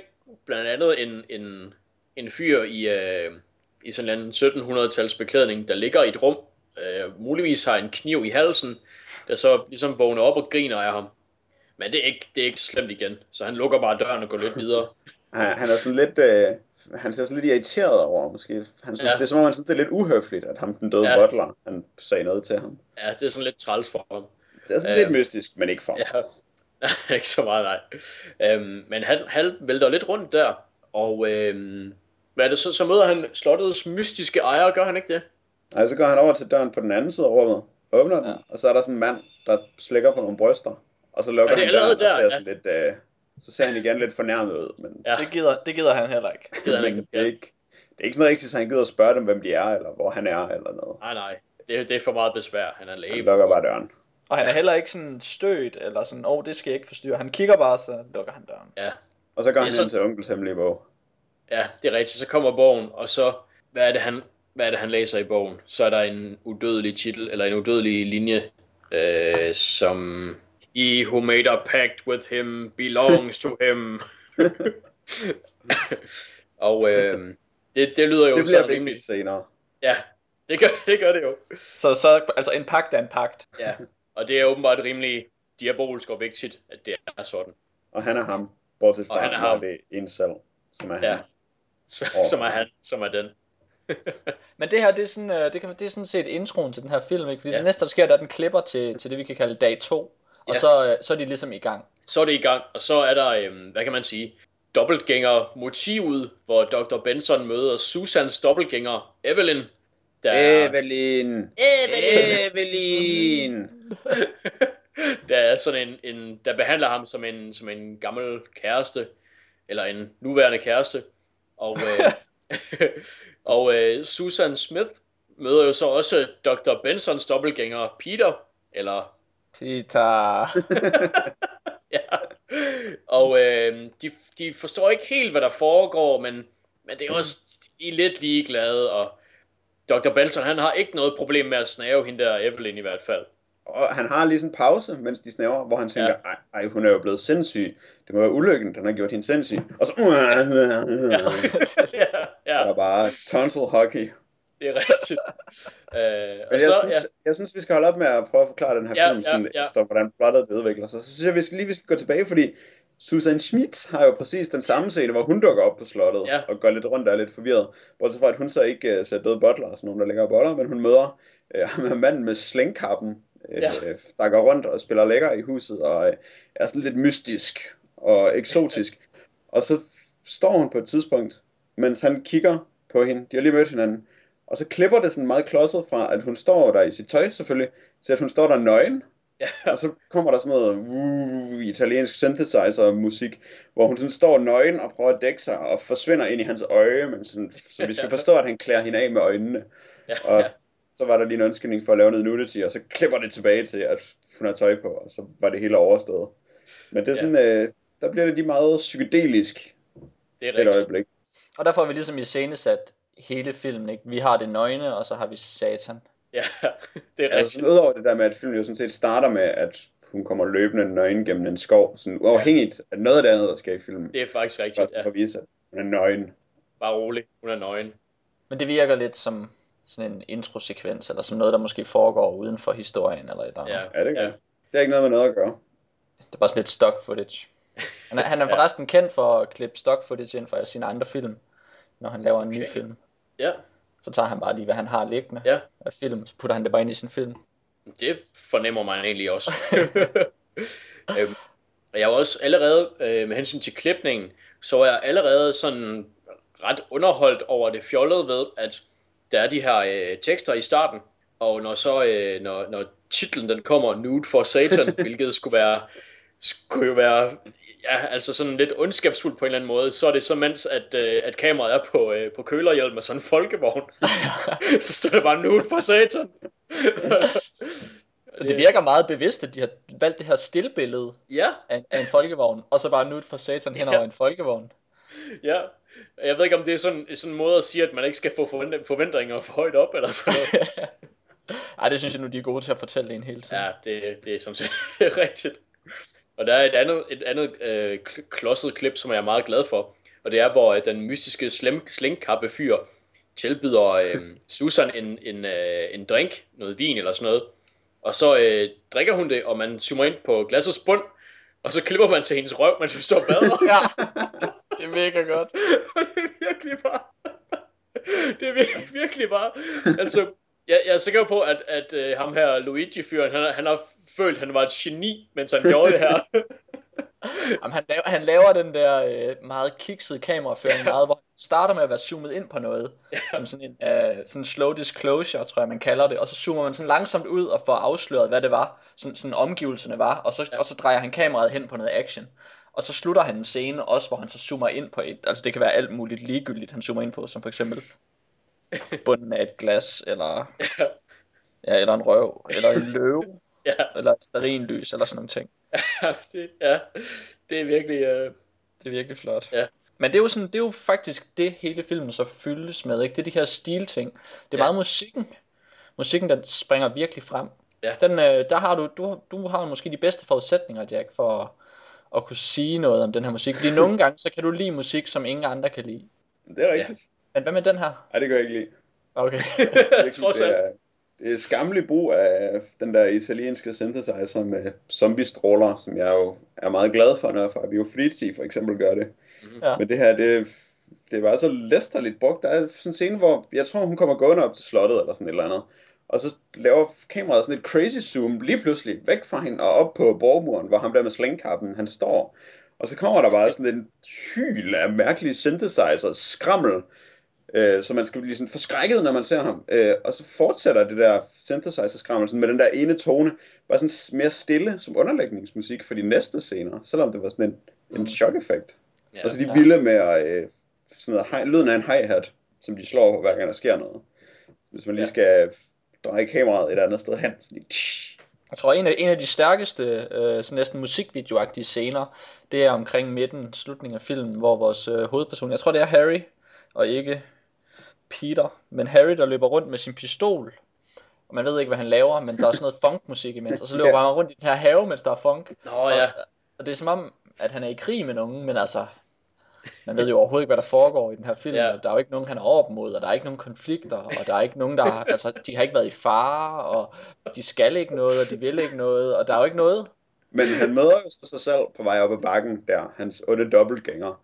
Ja. Og så skubber hans onde dobbeltgænger ham ned af den der bakke, og så laver ja. han det reneste rulle falde ned ja. af en bakke, jeg nogensinde har set, hvor han rent faktisk nogle gange sådan rejser sig helt op, og så kaster han sig frem. Ja. Mens det går helt langsomt, hvor han så lige står stille et øjeblik, og så kaster han sig frem for at kunne ja. blive ved med at rulle ned af den der bakke. Ja, man kan og, også se, at han stopper flere gange. stopper flere gange, og den er virkelig bare ikke lang eller stejl, men alligevel ruller han sådan, sådan når han, for han så endelig sådan rullet ned for enden af den der bakke, og så er han helt, ah, forpint over, hvor hårdt det var at rulle ned af en lille smule bakke. Ja. Og nu fik jeg jo sagt, at der ikke er noget, der er på spil, og der er ikke nogen, der er i fare, men der er jo en scene, hvor der er nogen, der virkelig er i fare. Det, det er jo nok der, hvor, hvor Susan bliver smidt ned i det her æderkoppespil. og altså, for crying out loud, den her æderkop, det er jo ikke engang gummi, det er jo et tøjdyr for fanden. Ja, et ubevægeligt tøjdyr, ikke? Og det er ikke engang, fordi den kan flappe med noget, eller få lidt liv, når en eller anden... Der er bare en eller anden, der holder fat i den og skubber den tættere på hende. Altså, og sådan en lille fed klump med 10 ben ja. af en eller anden ja. grund, selvom det skal være en æderkop. Og sådan nogle store røde øjne. Ja. To store røde øjne med sådan en prik i. Ja, det er helt forfærdeligt. Og det ligner, det ligner mere en kæmpe støvmide eller et eller andet. Altså, det ser bare så åndssvagt ud. Jeg har ikke brugt et sekund på research, hvad en æderkop er. Nej. Jeg kan bare være i gang med at bygge den. Ja, og hun, og hun ligger, af en eller anden grund er hun hjælpeløs, selvom hun bare kan rejse sig op på det der net, men hun ligger bare i det, ah, ah, mens den kommer tættere og tættere på. Og det må virkelig, altså jeg tænkte på, hvordan kunne hun holde masken i den scene, fordi det er simpelthen det latterligste, jeg har set. Ej, men det er faktisk helt vildt, så grimt den æderkop er lavet. ja. Altså, det er sjældent, man, siger, man ser noget, der er så dårligt. Og det er ikke engang, fordi de laver sådan en skygge på den, eller klipper hurtigt, eller viser den sådan ud af øjenkrogen eller noget. Det var bam, lige på det der møgtøjdyr, de har så lægt på hende. Der er sådan en mand, der ryster lidt med, og så bare stige på det, og det er så grimt. Den er der, ja. Den er der i plain sight, og de er bare, de er sikre på, at den er, den er skræmmende nok, altså. Og så bevæger den sig bare langsomt hen mod hende. Og så kommer Benson ind og plukker den, og så flyver der bare sådan noget øh, vat ud af den. Ja, ja. Nå ja, og han, ja, hvad er det, han siger? Et eller andet med, at han, hun skal øh, holde stille eller et eller andet, men sådan, som ligesom er på hendes brystkasse, og så skyder han sig på den. Det er også bare så... Ja, altså man ved jo godt, at det ikke er noget, de tænker over på det tidspunkt i filmen, men jeg tænkte stadigvæk, at han kunne bare lige så godt have plukket hende på det tidspunkt. Jeg tror faktisk ikke helt, det foregik sådan, da jeg så den. Er det Eller rigtigt? den version, jeg så. Øh, Men det er også en italiensk version, eller det var uden dobbet. Og der kom han bare ind, og så skyder han bare lynhurtigt, og så er man ikke sikker på, om han rammer hende, eller rammer æderkoppen. Okay. Og så skyder han igen, og så, øh, og så rammer han æderkoppen. Sådan havde jeg det også lidt. Ja, det kan være, at jeg bare så den, så den på en helt anden måde, fordi at... Øh, Eller at der var, lige var lagt noget ind for at forklare en, at hun ikke blev ramt. Fordi sådan, det er jo Ja. rimelig... det kan også være, og det er tit, at man ikke helt har styr på, hvad der egentlig, hvad der egentlig foregår jo. Ja. Apropos ikke at have styr på, hvad der foregår, så er der også slutningen på filmen. Oh. ja, jeg tror faktisk, det er nok god idé at sådan lidt runde den her film af nu. ja, Um, slutningen. Er det meningen, at vi skal blive chokeret der? Fordi den er så frisindet. ja, det er ikke. Hvem fanden ved, hvad det, hvad det skal forestille det der? Altså, fordi det her film er jo sådan en, altså en erotisk horrorfilm, der sådan dyrker satan som sådan et sexobjekt, eller ja, et eller andet. Ved, altså. Der er i hvert fald øh, mange kvinder, som er nøgne. Ja, Ja. det er de her dansende kvinder, der er nøgne, mens hvad det, Peter, altså Dr. Bensons onde dobbeltgænger, sidder og maker out med, med hende her Evelyn på en trone eller på en stol. Mm. Og så sidder ham der slængkappe fyren og kigger lystigt på. Ja. Men altså meget, meget af filmens nøgenskab, det er jo mere bare sådan, at de ikke lige har noget tøj på, eller de har noget tøj på, der ikke helt dækker alle deres... Øh, Alle deres bryster. Det, ja. Um, det er mere på sådan en, altså det er ligesom at se på folk, der er nøgne på en nu- nudiststrand, end det er sådan en erotisk film, hvor folk ligesom sådan viser sig frem. Altså der er selvfølgelig nogle scener, som er erotiske, men mange af dem, der er det bare sådan, nu er de bare nøgne, og det er ikke fordi, de selv er blevet færdige omkring det. Altså hun løber bare rundt med den der kjole, der bare ikke er sådan sat på hende ordentligt Ja, hele tiden, og det er bare lidt, det virker måske bare lidt dumt. ja. Det virker, det virker dumt. det er rigtigt. Og så er der så slut, ja, altså, man Slut. kunne, altså jeg, jeg har set den beskrevet i anmeldelser som slut overgivet, men altså, det er det jo ikke. Jamen altså, de danser jo. Det er det, Ja. de gør. Slutdansen.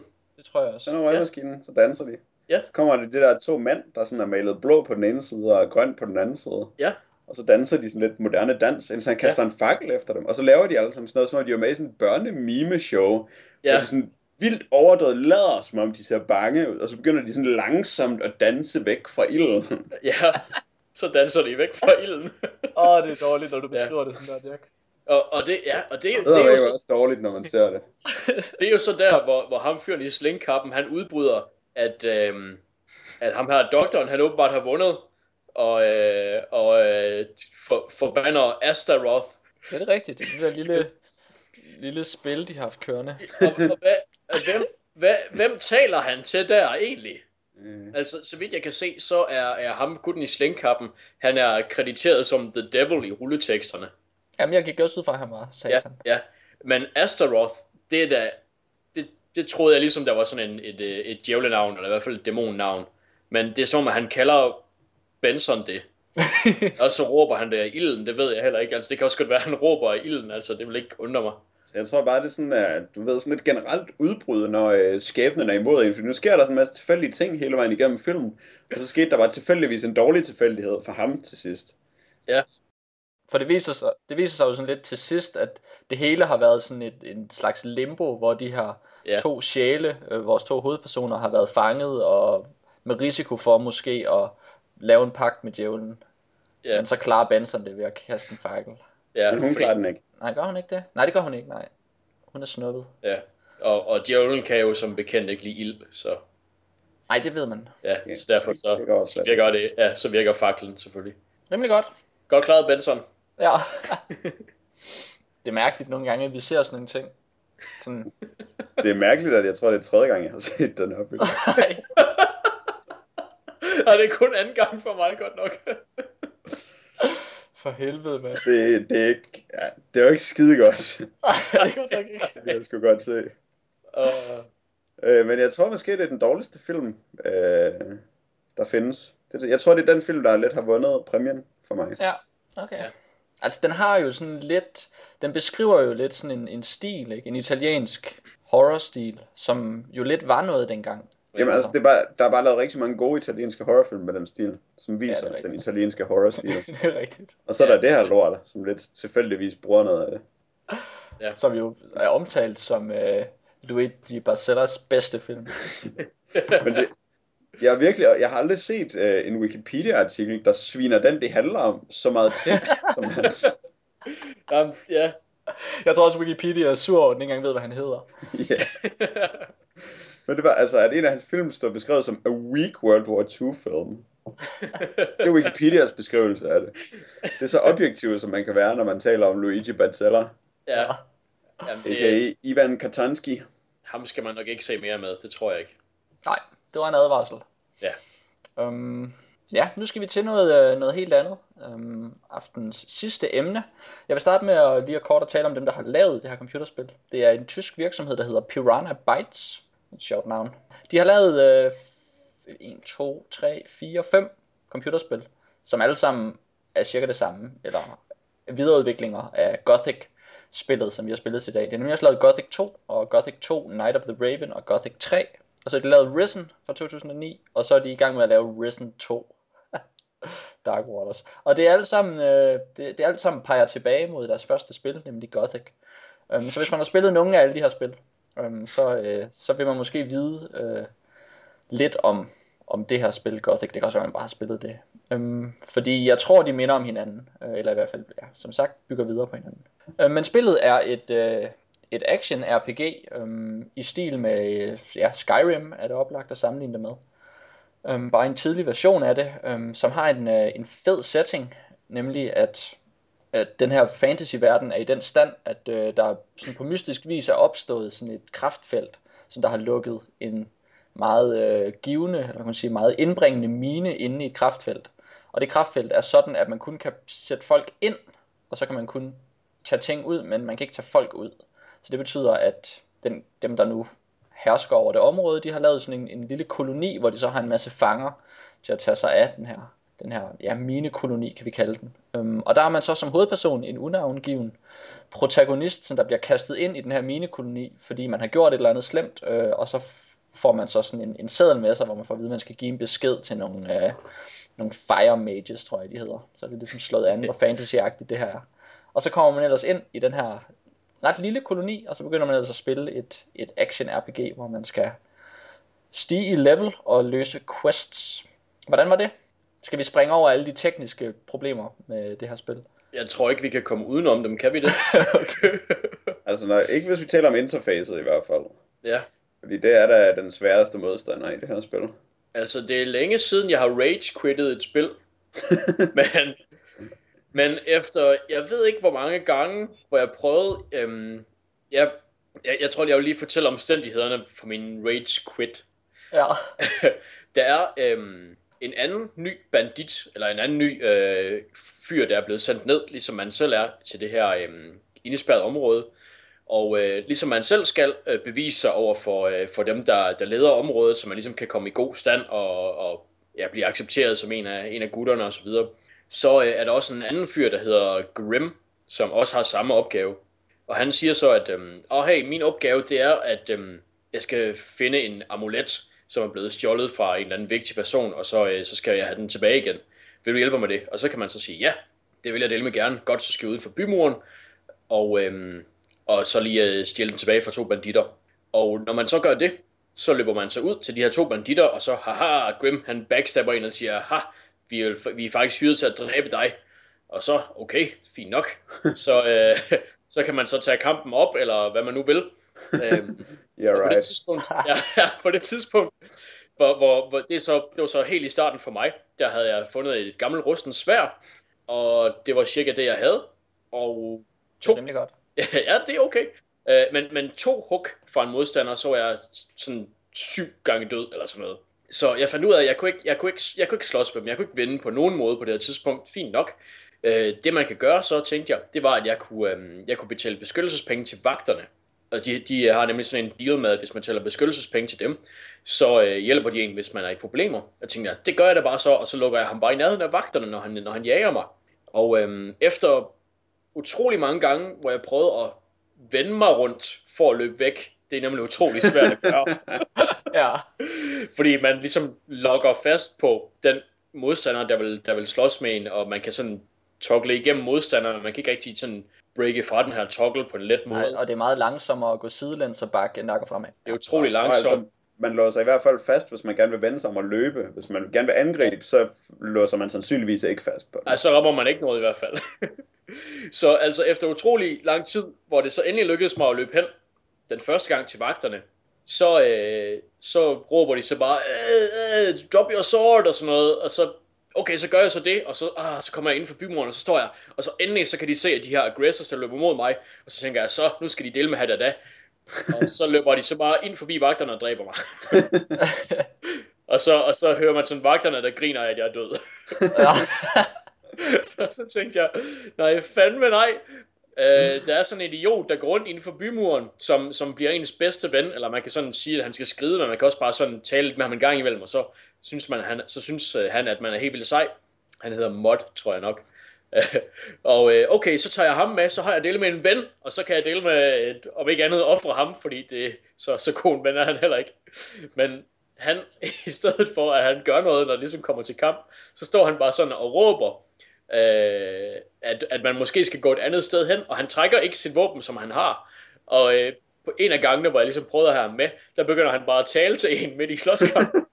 så man så vender sig over, altså afbryder alt, hvad, hvad man slås med, og vender sig over mod ham, og bare sådan står og lytter på, hvad han siger. Men altså, dem man slås med, de afbryder ikke noget. De afbryder jo ikke. Nej, nej. Nej, det dræber fandme en. Så, så man bliver bare hugget ned, mens man skal høre på, hvad ens idiot, man siger, der ikke vil forsvare. Uh. Og, og altså, jeg, jeg prøvede det så mange gange, at til sidst, så, så tænkte jeg, det her, det, jeg kan ikke... Øhm... Det minder meget om min oplevelse med det. Hvordan var din, Jack? Øh, den var også meget sådan... Mm. Tror jeg, jeg opgav dog meget hurtigt det der med at prøve på at slås med noget. Fordi der er jo... Øh, der er sådan nogle biller, som man kan vinde over, som man møder til at begynde med, og sådan nogle fugle, som man kan vinde over, hvis man møder dem alene. Men så sådan alt andet, hvis der er flere fugle på én gang, eller ulve eller sådan noget, så bliver man bare pulveriseret. Så i den her fangekoloni, som fangerne jo har overtaget, der har de lavet tre forskellige lejre, øh, som har nogle forskellige holdninger til tingene, hvor der sådan er en lejr, der øh, er ordentlig, og så er der en, der er nogle skurke, og så er der nogen, der er religiøse fanatikere. Og så kan man lidt vælge mellem at slutte sig til de lejre. Mm. Øhm, så jeg prøvede på at løbe ind i lejrene, og jeg besluttede mig for med det samme at slutte mig til øh, de religiøse fanatikere. Så snart jeg mødte ham manden, der kunne føre mig derhen til den anden lejr, øh, så ville jeg løbe derover for at komme med i deres klub. Og så kan man, måden man gør det på, det er så ved at øh, få deres opmærksomhed. Det vil sige, øh, man skal lave sidequests, indtil man kan komme med i klubben. Er basically ens første opgave. Øh, så det løb jeg hen og gjorde, og så prøvede jeg på at lave sidequests ind i byerne, fordi jeg ikke kunne finde ud af at slås med noget. Eller jeg kunne ikke vinde over noget i hvert fald. Indtil jeg så havde lavet sidequests nok til, at jeg gerne måtte komme med i deres klub, og så fik jeg vide, at jeg skulle være level 5, før jeg måtte komme med. Og der var jeg level 1, tror jeg. Man starter på level 0, og så var jeg lige blevet level 1. øh, og man får en lille smule XP ved at lave de der sidequests, men der er meget få sidequests, og nogle af dem er, øh, er sådan helt besværlige at lave, og man skal løbe langt for dem, og man ved ikke sådan rigtig... Ja, et eksempel er, prøv at gå hen til den her person, og så har man ikke et kort sådan rigtigt, og man kan Ja. ikke se, hvor personen er, så man skal nærmest bare gå hele spillet rundt, til man Ja. finder personen. Og det er, Det er ikke, svært. det, det, det er ikke så flot spillet jo, fordi det er 2001 3D-grafik. Så det er ikke sikkert, at man sådan rigtig kan se, hvad nogle ting er, eller hvor man er henne, eller kunne finde rundt med sin stedsans. Så ja, man skal tit bare øh, løbe rundt og lede. Og så nogle gange, så har man for eksempel et job, hvor man får at vide, at man skal dræbe de der biller for at tage deres kød, og at der er nogle biller i øh, bygningerne tæt på borgmuren. Og så løber man hele vejen rundt om borgen, og så finder man sådan en enkelt ruin, hvor der er to biller, men de sidder sådan fast inde i væggen. ja, jeg prøvede præcis det samme. Og så kan man ikke slå dem ihjel. Og så, så får man ikke sin XP, og man kan ikke gå ud af byen, fordi der bliver man slået ihjel med det samme. Og man kan ikke klare nogle af questene inde i byen. Og så, så sidder man bare sådan lidt fast. Ja, altså jeg, men jeg blev virkelig pirret af, at spillet det var så fuldstændig... Altså der er de der fejl, som der er, som er pissirriterende. øhm, som nok er det værste ved spillet, altså hvor det bare sådan ikke virker. For eksempel så er der en, en fejl, der gør, at nogle vagter, der er en vagt specifikt, som jeg ikke må komme for tæt på, når jeg spiller spillet, fordi så begynder han at tale til mig, og når jeg så går ud af dialogen, så antaster han mig igen. Og så når jeg går ud, så antaster han mig igen, og så er jeg fanget af ham, og så er jeg nødt at spillet. Uh-huh. Så jeg skal hele tiden sådan, jeg, kan ikke, jeg kunne ikke købe et kort i New Camp, fordi at kortet var tæt på den vagt, eller ham kortmageren var tæt på, øh, på den vagt, og jeg kunne ikke, øh, ja, der kunne jeg ikke gå hen. Så det var sådan en af de ting, som gjorde det helt åndssvagt for mig. Um, men ellers så, øh, så, så, så, så gav jeg mig til at lære det der med at slås i spillet. Um, og det får man okay styr på. Når man kommer op og er level 3, um, og har fået samlet nok penge til at købe det gode svær, som koster måske 300 år i, uh, i New Camp, um, så, så kan man dræbe uh, de, sådan, uh, de der mole rats og de der fugleting i første slag. Og det gør det helt vildt let, fordi så løber man bare hen og dræber dem og løber væk igen. Um, og så lærer man lidt langsomt også at dræbe ulve. Um, og der er sådan nogle dwellers, swamp dwellers, som faktisk er rigtig store monstre, men der møder man kun én. Så der kan man faktisk arbejde med at lære at parere, og så slå, og parere og slå. Um, og så bliver man god til det. Uh, og så er der bare til sidst de der Raptors, uh, T-Rex ting, som der bare dræber en, og man overhovedet ikke kan klare. Um, så det er lidt der, hvor jeg er i spillet nu. Men det kan godt lade sig gøre. Man skal bare uh, langsomt sådan drødle sig lidt frem til at få nogle XP uh, ved at tæske lette ting og så komme op og så bruge alle sine XP på styrke, så man giver mere skade og sådan noget. Det er også smart at møde dem i byerne, som vil føre en hen til en anden lejr. For så kan man følges med dem, mens man løber derover, så kan de dræbe alt, og så får man XP, ja. selvom man ikke behøver at gøre noget.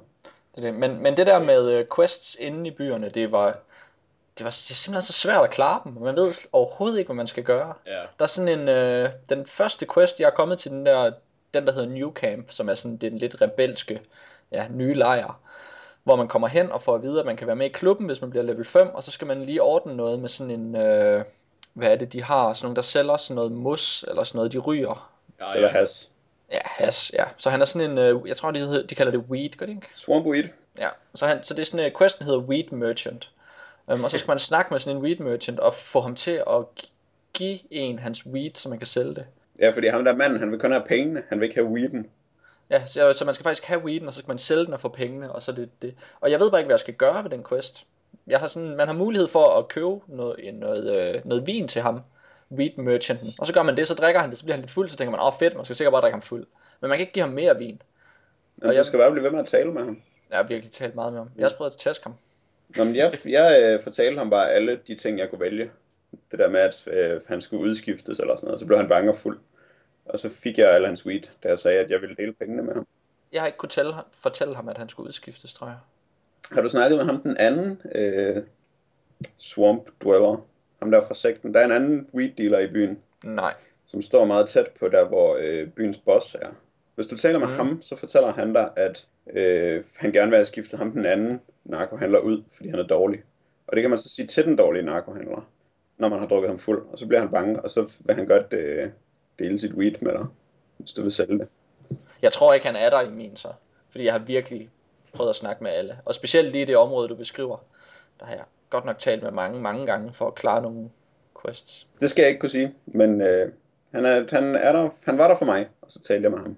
Men altså, så havde jeg bare... Øh, men så når man så får det der weed, så har man jo bare vildt meget weed. Man har fået en lille smule weed af ham den anden, så det er nemt at gå rundt og sælge til folk, for man så får 10 år for hver.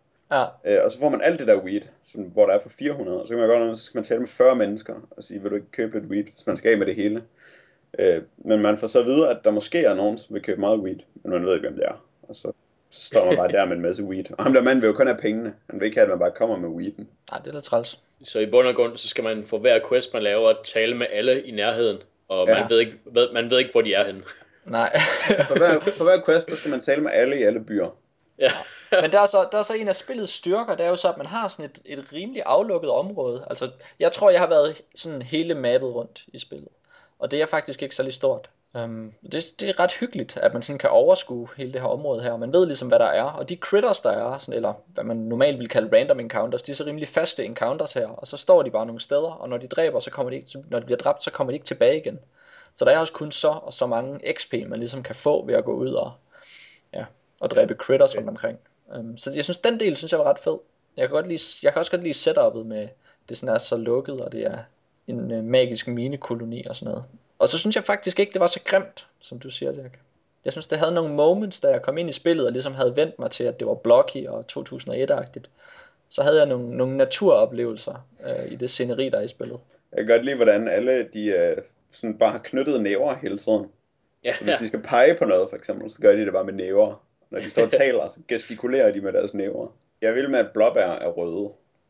ja, af en eller anden grund. Man finder virkelig mange blåbær, og de er alle sammen knaldrøde. Ja, det er rigtigt. Det, det er forre- forresten øh, vejen til rigdom, det er at gå rundt og samle urter, fordi de kommer tilbage igen.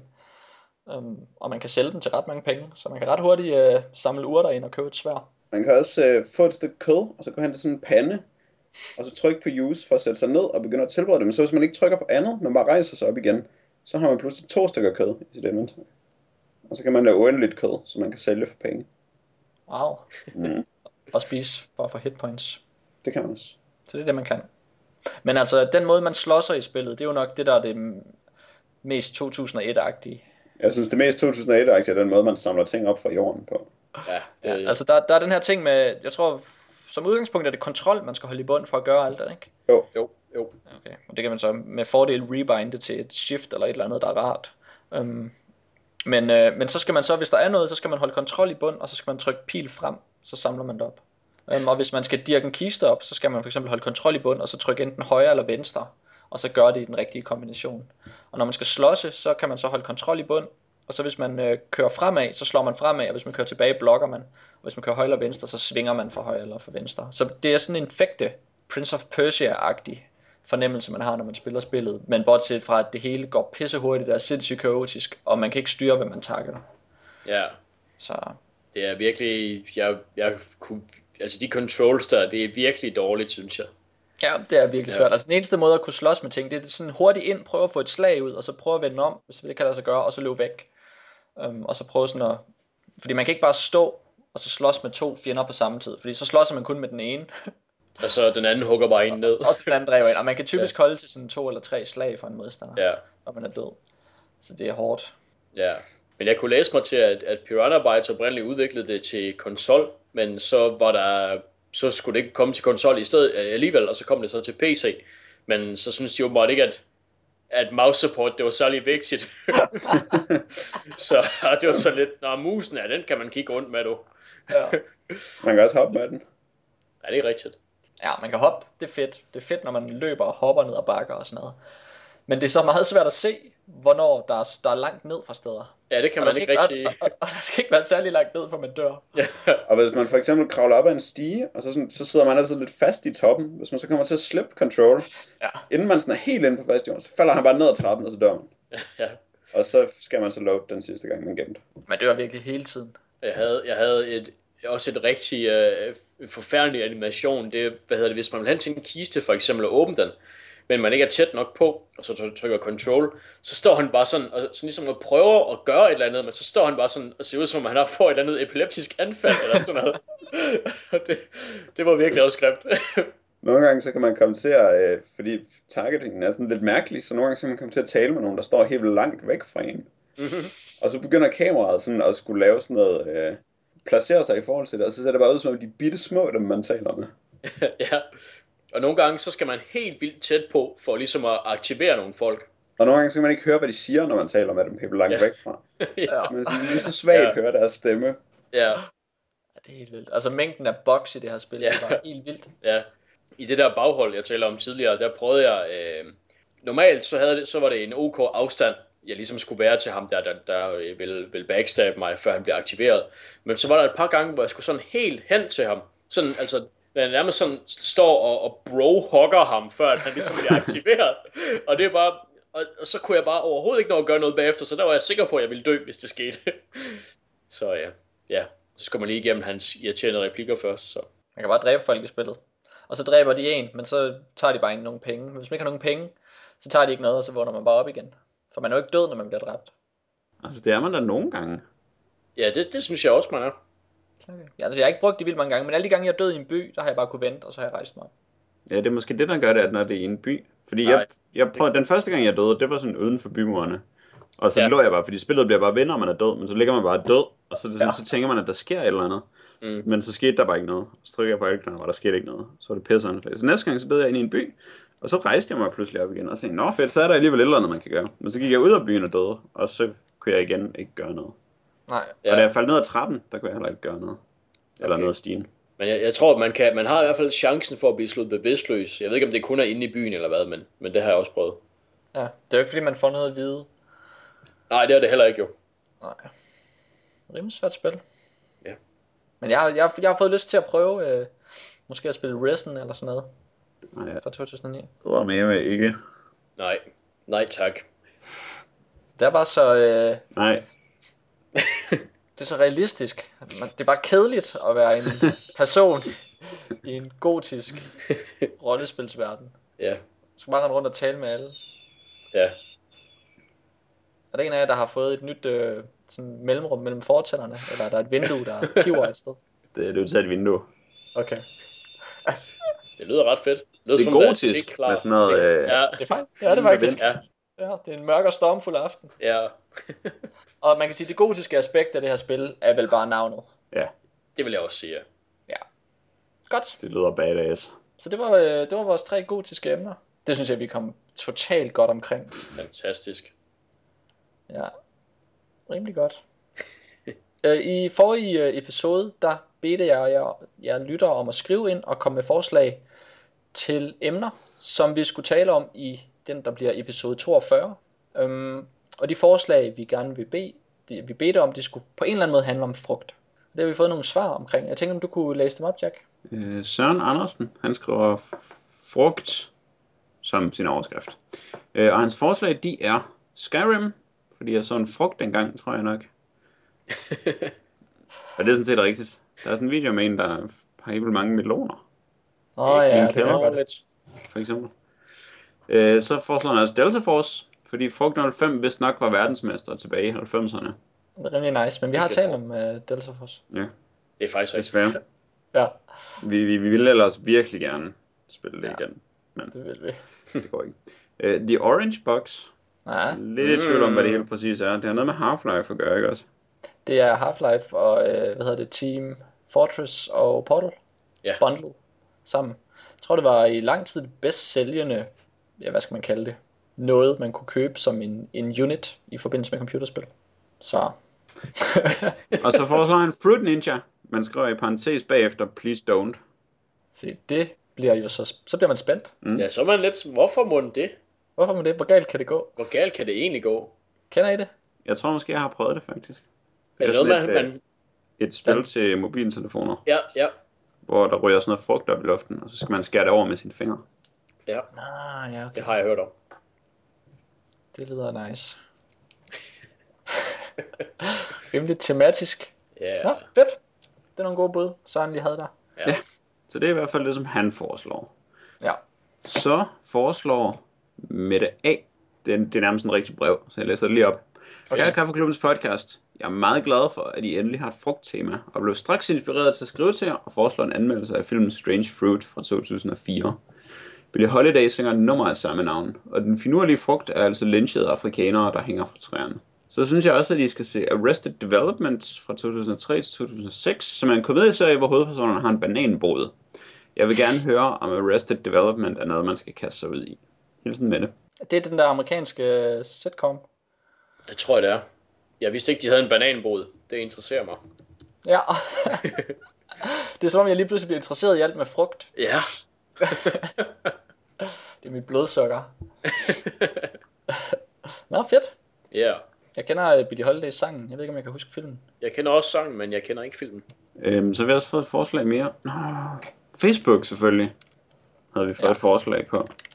Det er de sociale medier. Ja. Sådan. Øh, Jakob Aargaard Christensen siger, at der er en dansk animationsfilm af Anders Morgenthaler, der hedder Æblet og Ormen. Den handler om frugt. Og ormen. Måske yeah. det er en frugtorm. Anders Morgenthaler er jo rimelig cool. Ja.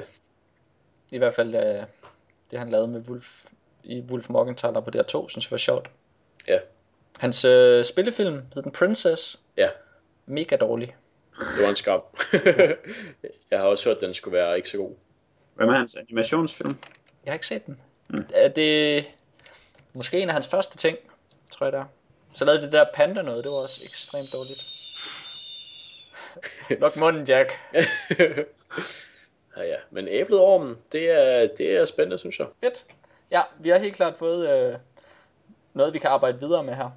Ja. Men øh, nu skal vi se fremad, Dan. Fordi nu skal vi bede om flere input fra jer. Øhm, og de skal den her gang handle om noget. Det ville jo være utrolig fedt, hvis vi kunne komme til at tale om noget, hvor der indgik en mose. En mose. Ja. Og hvis, hvis det er for svært, jeg har ikke styr på øh, moser i øh, fiktion, som sådan må indrømme. Hvis det er for svært, så vil jeg også godtage sump, men helst mose. Hvad med Mask?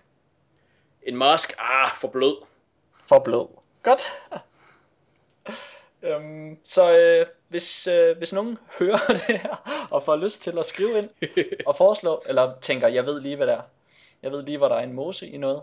Så, øh, så skal I skrive ind til Mosen, snablag, ddkkpodcast.dk Øhm, og det er selvfølgelig i forbindelse med en film, eller en tv-serie, eller et computerspil, eller en tegneserie, eller en bog, eller noget helt, helt andet, der har moser i sig. En sang.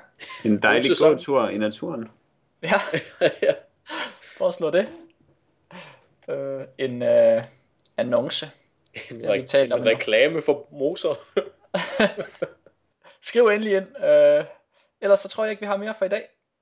Det var vores øh, 40. 20. afsnit. Vi er tilbage igen om 14 dage. I dag er det mandag den 28. Mandag.